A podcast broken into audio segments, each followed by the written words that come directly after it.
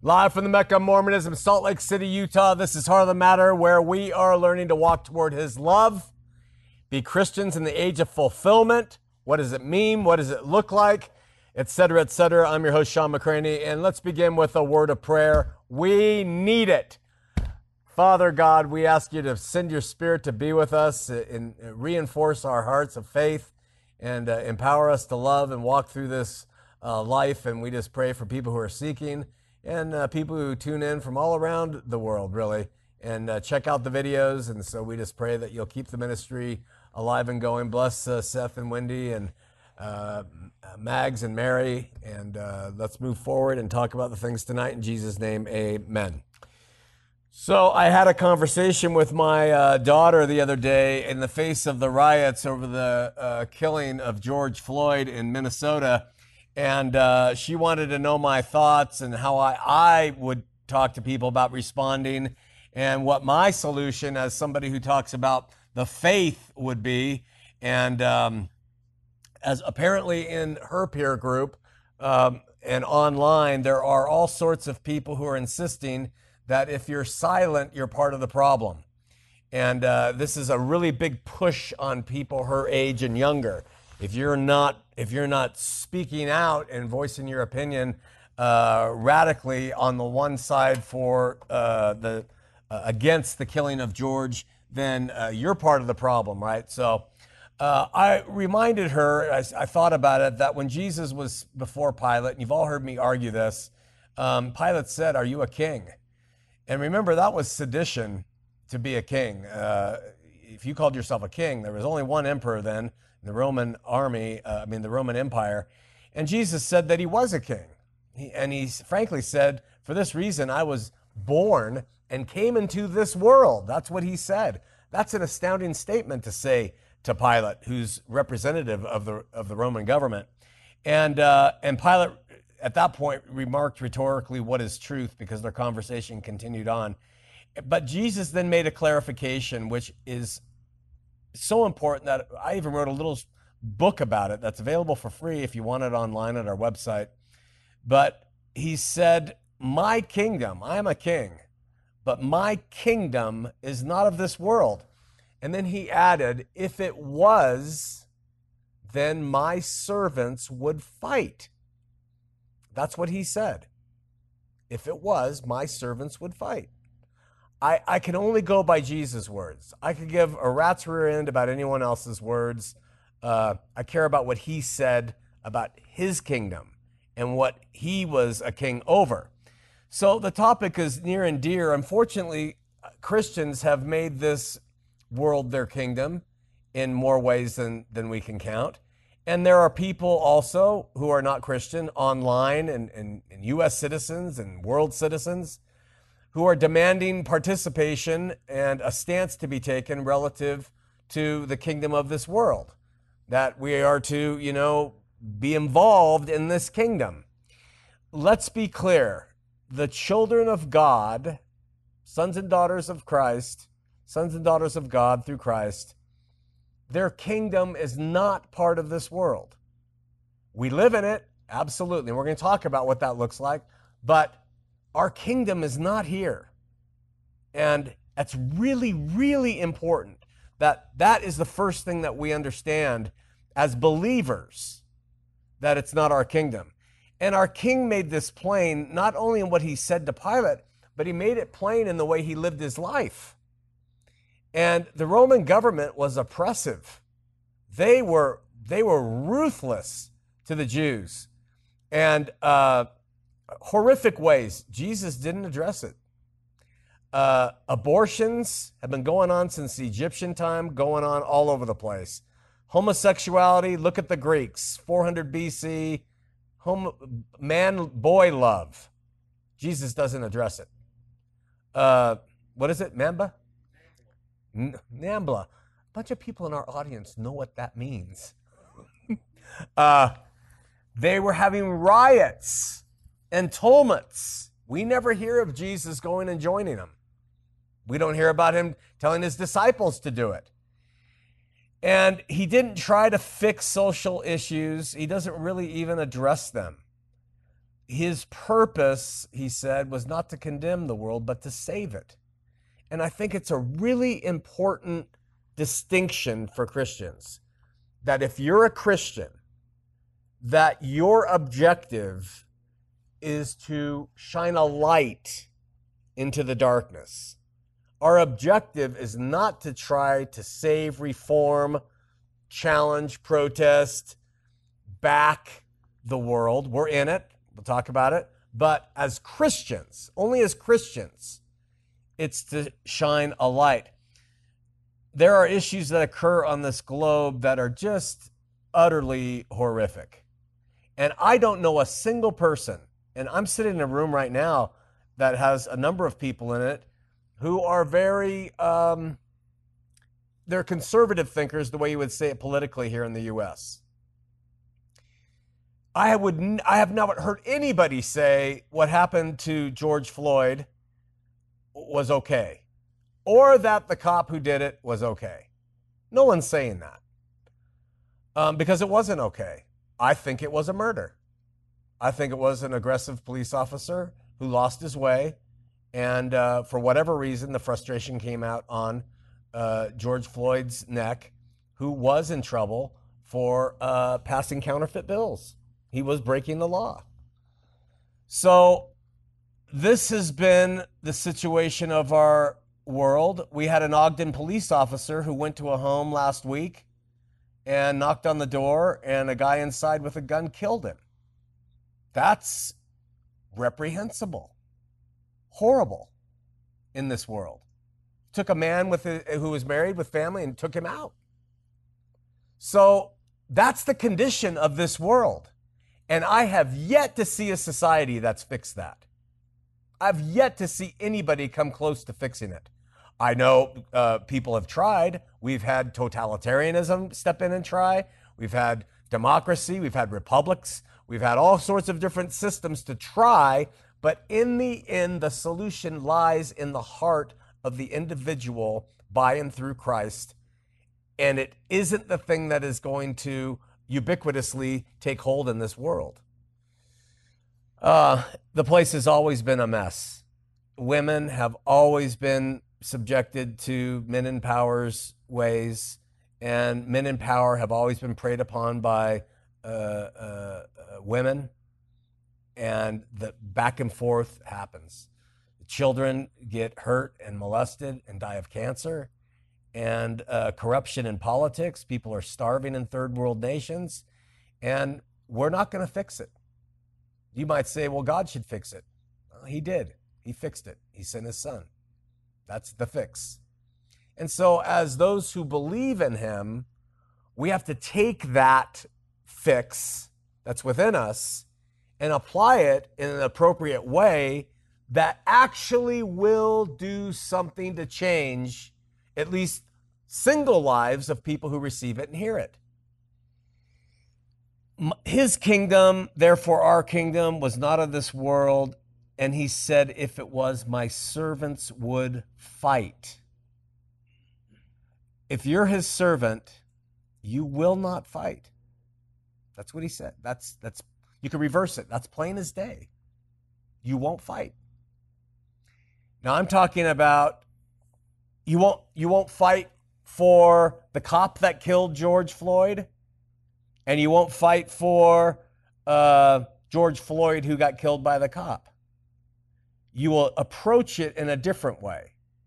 As a Christian, remember, as a Christian, as a U.S. citizen, that's between you and your politics and all that up. But if you bring Jesus into the front, you've got to bring Jesus in in the proper way, in my estimation. And it can't be through one polarized side or another.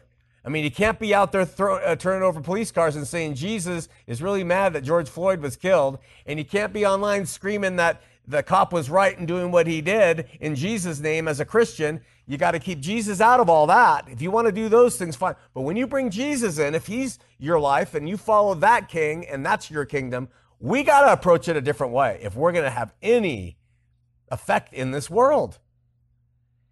Show me a Christian fighting, resisting, uses Jesus, using Jesus politically for their party or their position.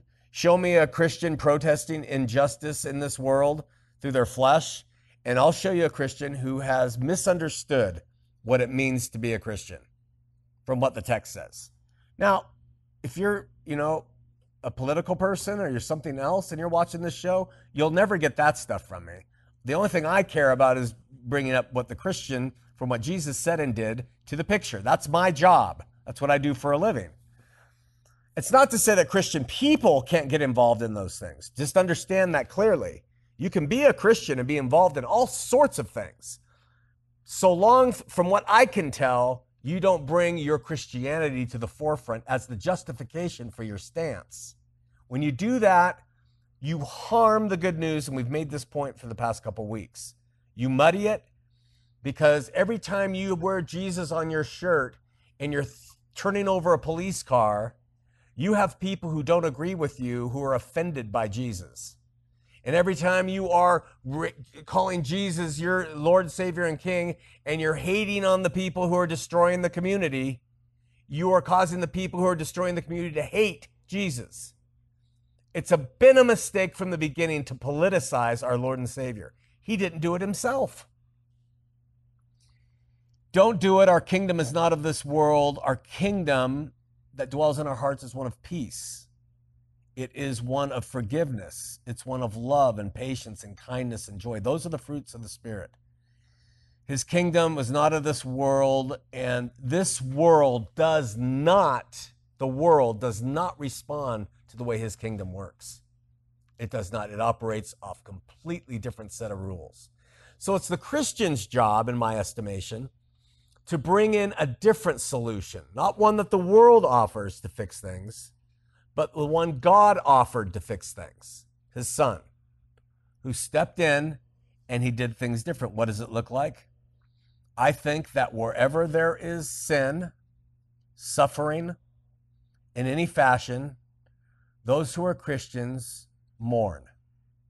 They pray.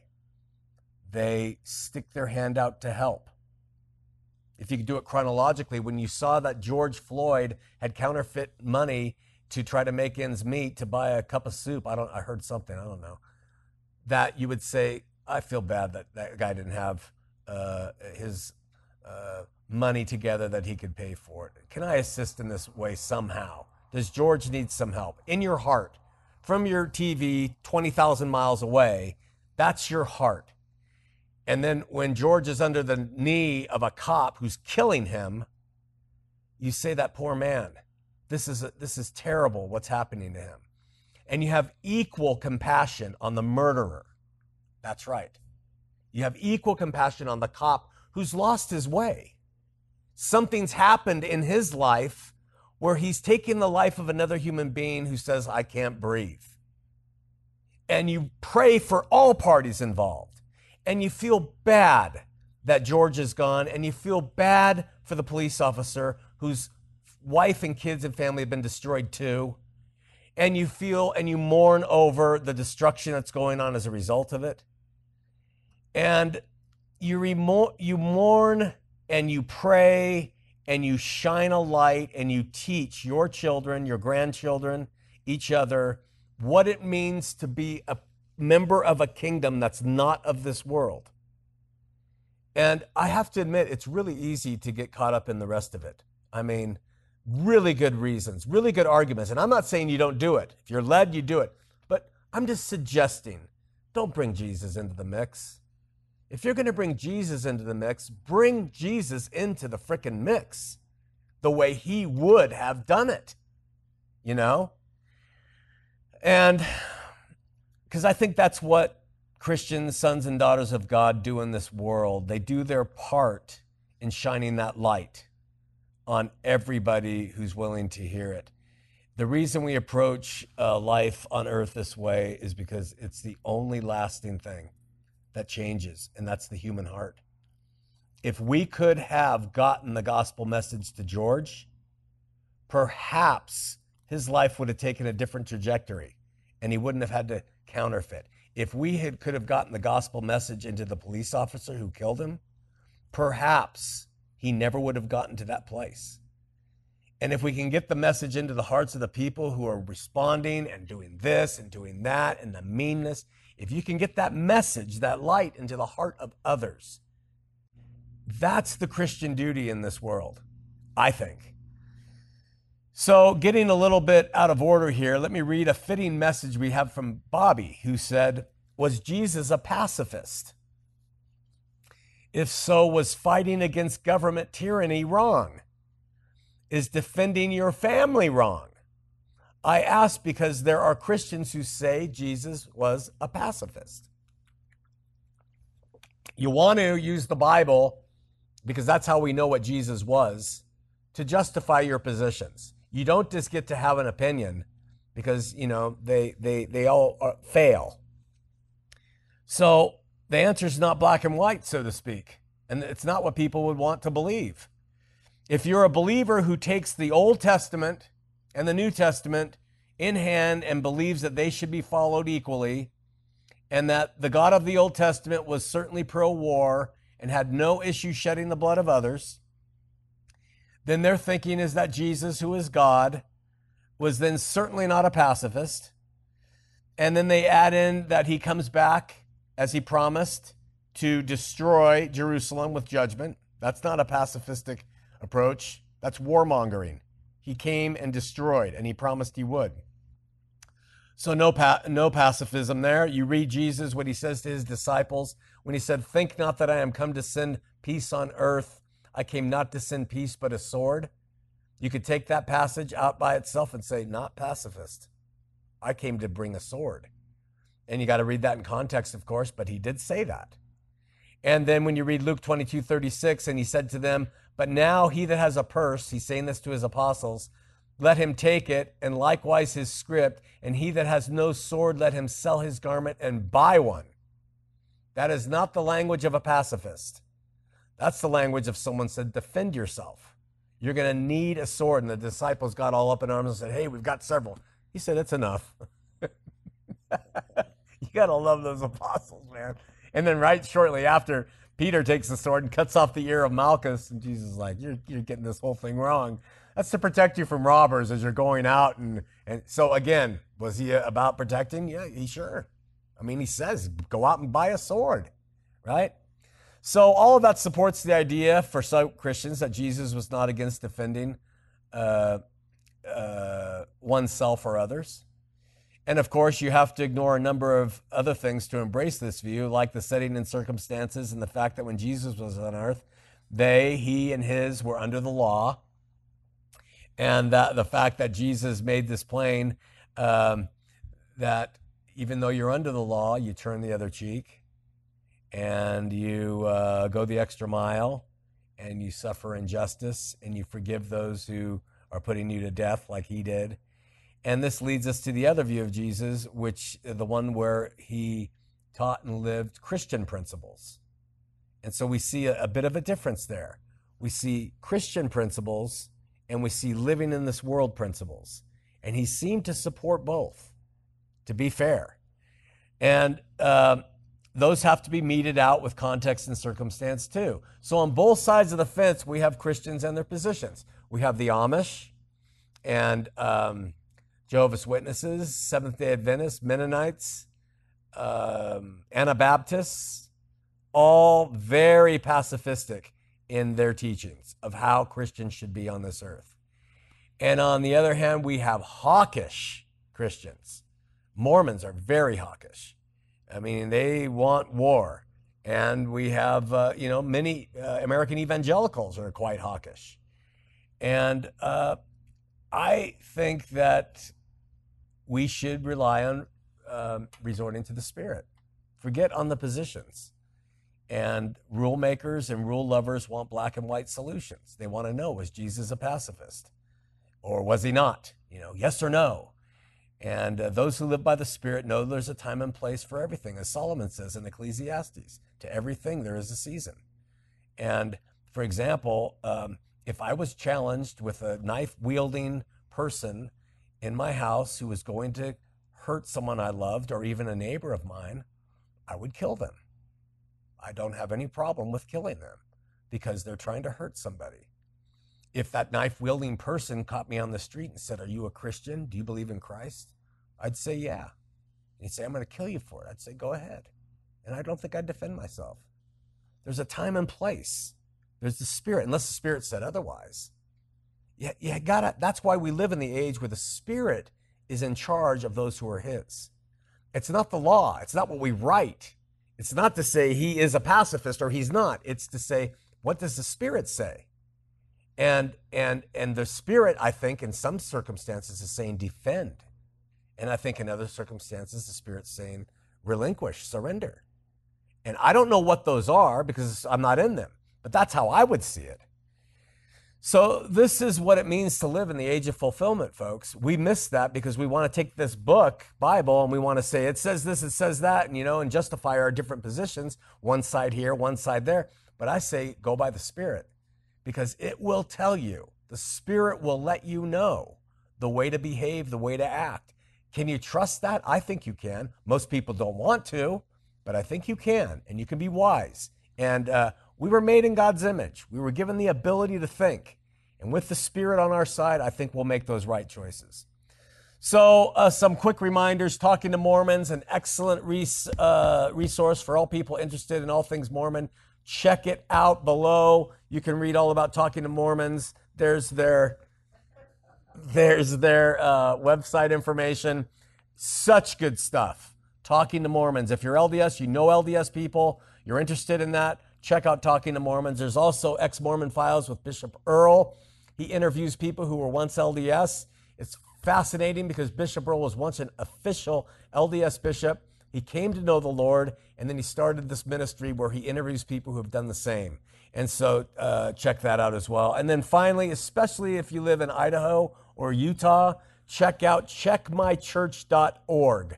If you're attending church in either of those two states, this site is great because they do a pretty darn, they do a really good job of sizing the church up, describing what the church believes, using the church's own words. And if the church won't uh, play along, they give an assessment of what they think. And it will protect you from being um, misled, but it'll also protect you from being um, manipulated uh, from different churches and their practices. All right? So, uh, talking to Mormons, ex Mormon files, and Check My Church. I hope all of them go worldwide. I think uh, talking to Mormons and Check My Church already is. I mean, talking to Mormons and ex Mormon files. But Check My Church, wouldn't that be great if they were able to, every church, and you just go and say, well, what about the, the Baptist church on 5th and Main in Cleveland? Boom. And you have kind of a report. They believe in this, they teach that, their services look like this, their pastor says that Oh, I'm going to go there. Oh, boom. I'm not going to go there. Check them out. All right, so we have this new device here that Seth gave me. I'm going to hold it in my hand like it's a phone as I've been instructed. Six hours ago. So that's how we're going to do it now. We're going to go according to when they came in six hours ago. MH wrote, totally off topic, but if you ever get a chance with your study of philosophy and your study of the Bible, I'd really like to hear your take on Nietzsche or Nietzsche. Um, I, Nietzsche Nietzsche, I think was a genius. I think that his uh, insights were profound, and I think he was utterly insane at the end of his life. and so I, I read *The Sprig Zarathustra years ago, and I was a fan of Nietzsche for a while. I used to draw pictures of him in that big mustache. But uh, he was he was a humanist. He was godless. And uh, like many very smart men, he got caught up in his own thing. And so I think you can benefit uh, by him to give you kind of just some general stuff. But uh, I, I, think he's greatly misunderstood too. And I'm, I'm not sure he meant what we think he meant when he said God is dead. So that's off the top of my head. And I haven't read these, most of them. Uh, Victor Richardson said, So you're a universalist. Today, no one is accused under the law of Moses, but all judgment has been given to Christ, who acts according as he has seen his Father act. Not in Christ, you're judged already. I would say, as I've uh, maintained before, universalism suggests the idea that all roads lead to heaven. I do not believe all roads lead to heaven where God is. I believe there's only one way to be with God, and that's by and through Christ. What that looks like, I don't know. I don't think we can say. I don't think someone has the right to say that person was never an evangelical. They were only a Muslim or something else. They're in hell or whatever. They don't go to God. I don't think anyone can say that. I think Christ has had the victory, and I think that victory meant that the Father was reconciled to the world. The call now is the people on the world being reconciled back to Him. That comes by faith in His Son. And I've said this before, but I don't think a person can love with the love that Jesus demands, agape love, unless Christ is in them. I don't think it's possible. So when you find somebody who doesn't necessarily embrace all the doctrines and practices of evangelicalism, if they love like Christ loved, I would give them the benefit of the doubt that Christ is in them, has had the victory over them, and they will be in his kingdom, not necessarily just in the heavens. All right, Kenneth Branscombe says, You have to remember Mormon, Satan could be Moroni.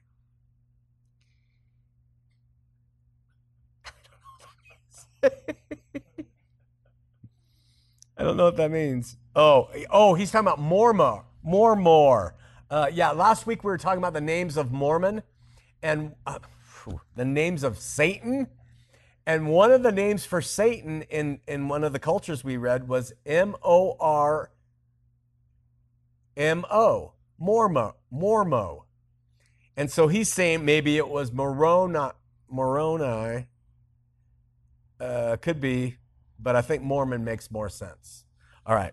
Stephanie Smith said Jesus has had the victory. Amen.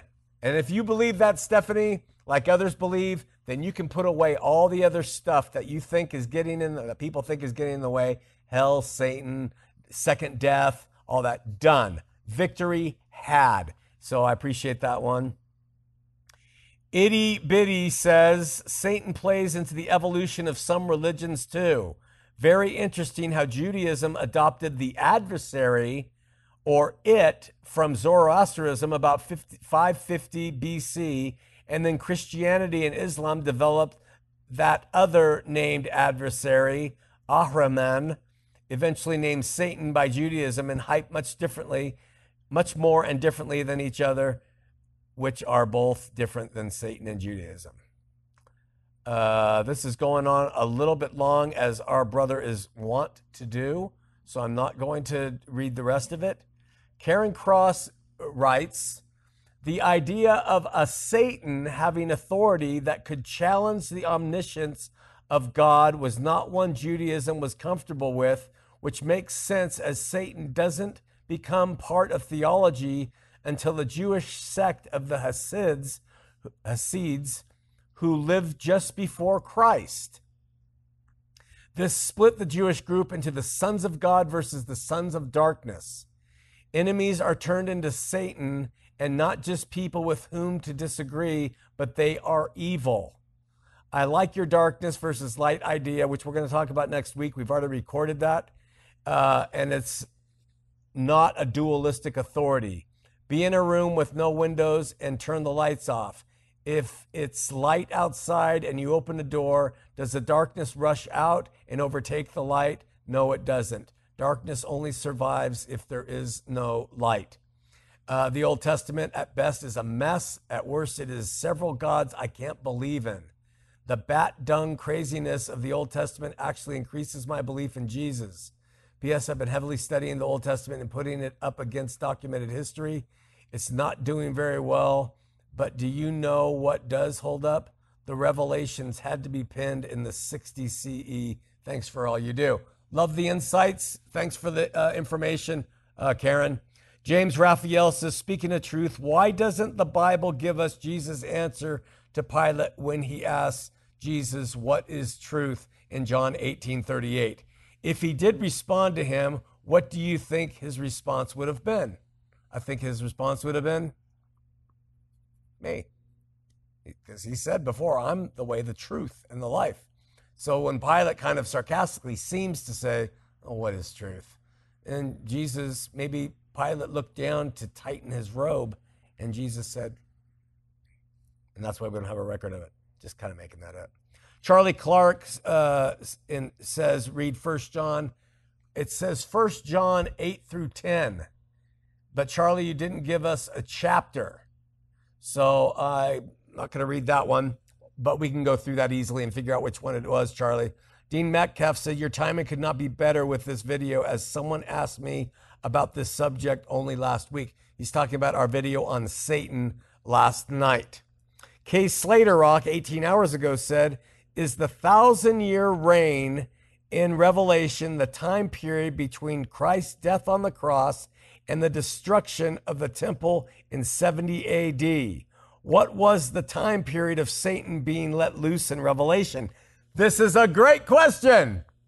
Okay, really quickly.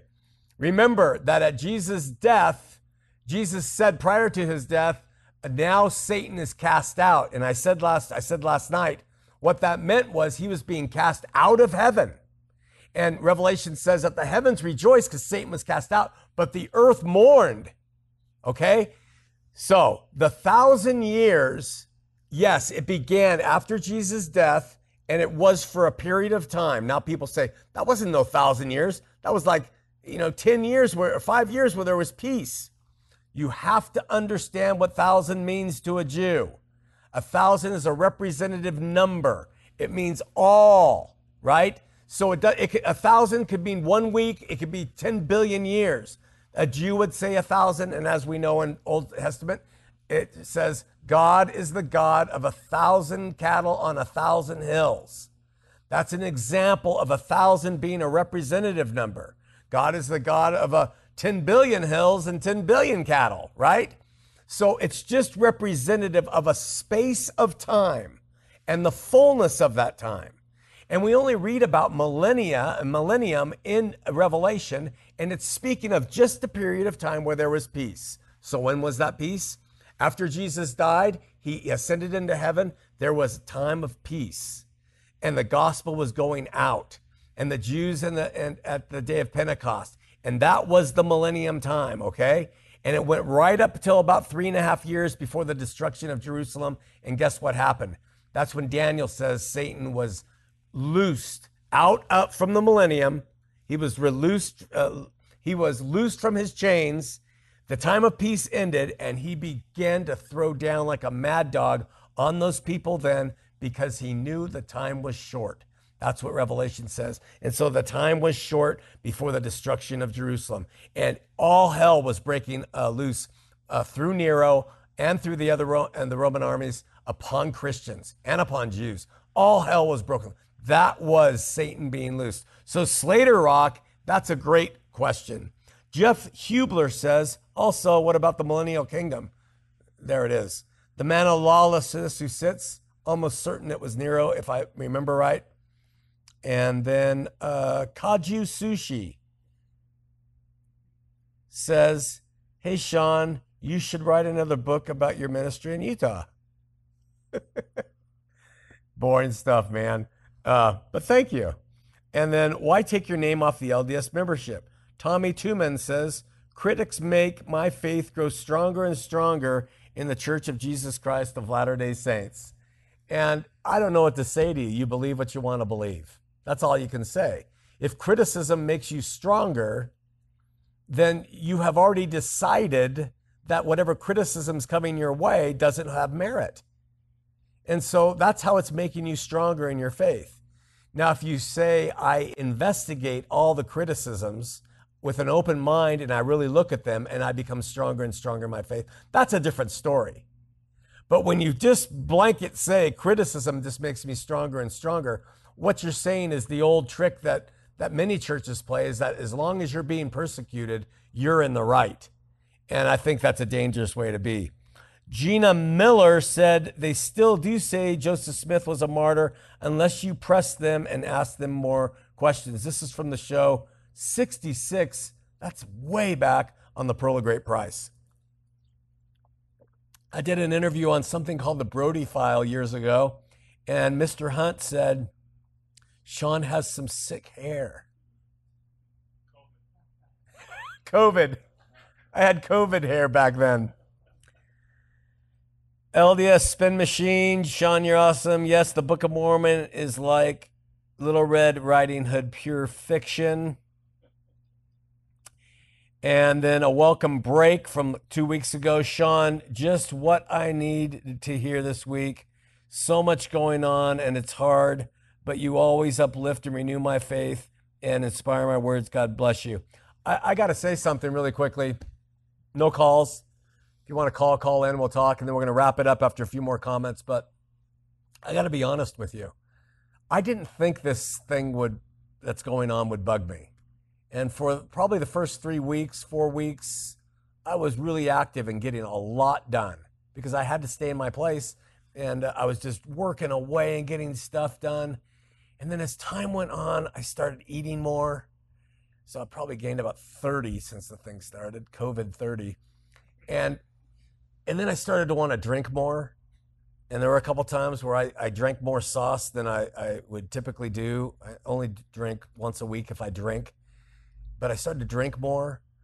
And, and I told my wife, you know, I was starting to think about, uh, you know, porn and different things to just get me, just get me off and maybe even take some uh, pot um, and eat edibles, which I've done before, and that's not a happy sight.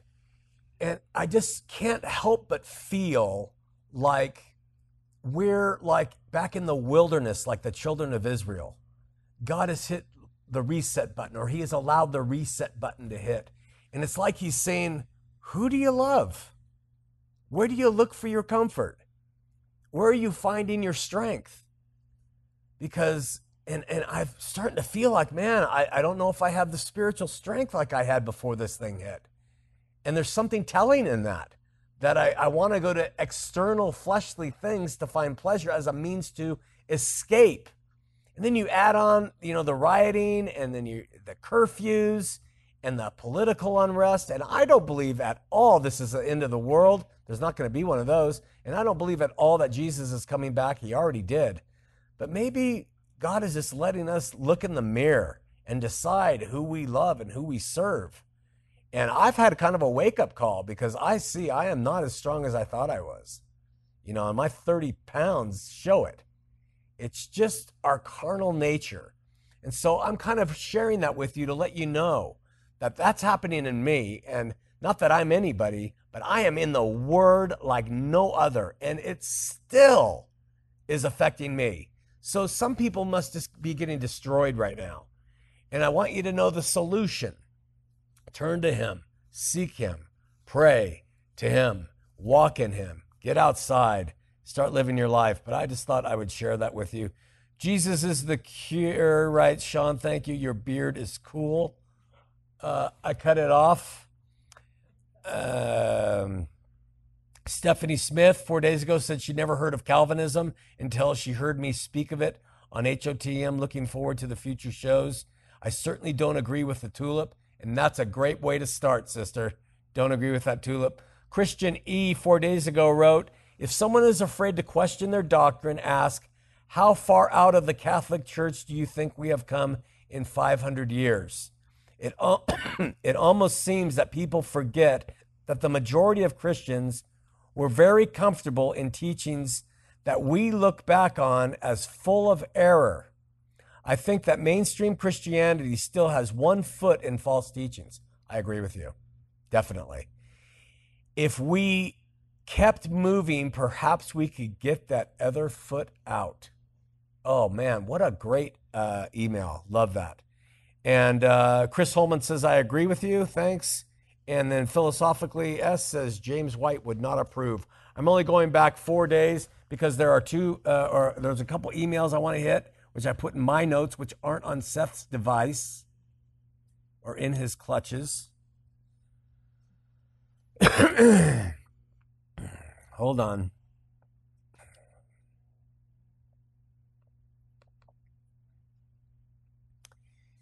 And this is from a brother who says, I heard on your channel that the Melchizedek priesthood is not transferable, if I heard right. I am an apostle, but not a Mormon.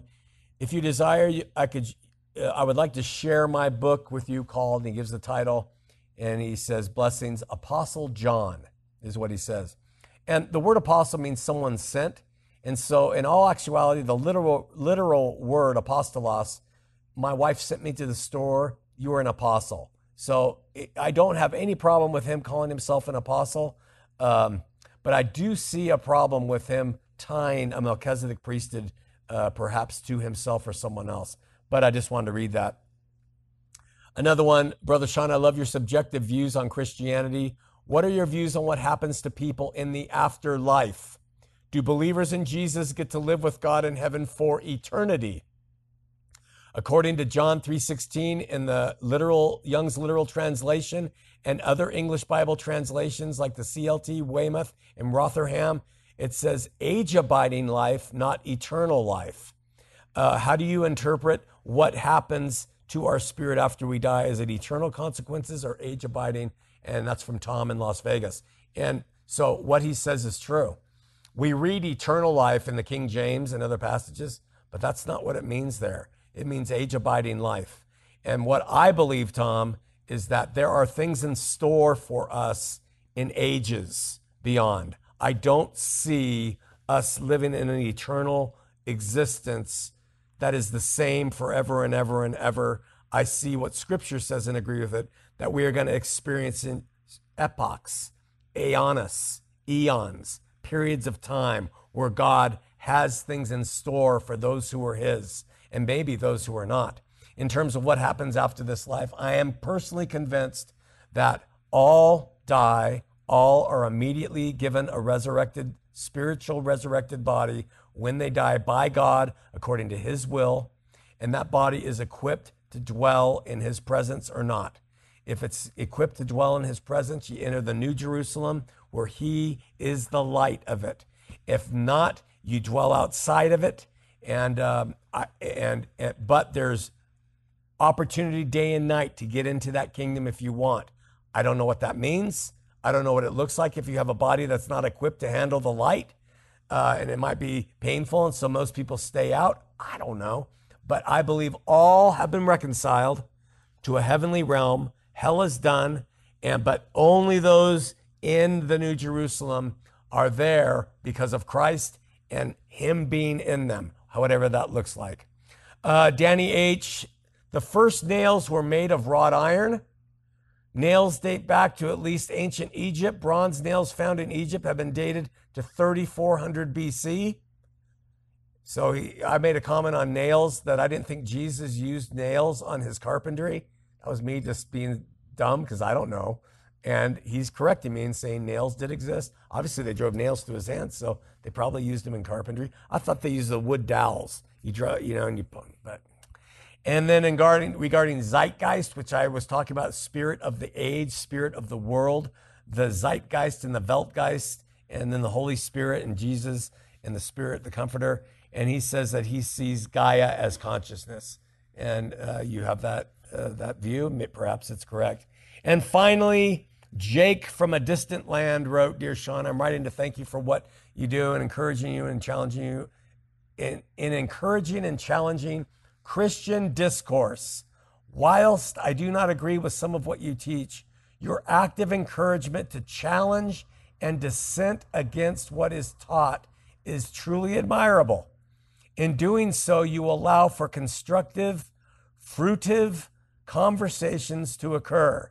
This open and inclusive approach is not PC pandering, contrary to the claims of the teachers of the law, but rather necessary in order to build a genuinely united body. Oh, I love this guy's from uh, uh, England, and I just love uh, that he's on with this idea of how we should approach it. Christ is one is the one who sets us free, not one religion, nor organization, nor pastor, nor vicar, nor any teacher of the law. Such teachers are the ones whose narrow mindedness ought to be critiqued. I am British, so my exposure to your show comes entirely from YouTube. I hope the Christians in the UK will learn to adopt a similar approach in this ever secular world. And the disunity of Christianity is nothing new, as you know, yet I feel that now more than ever, such unity is needed by means of open, unapologetic uh, dissent. Listen to him here.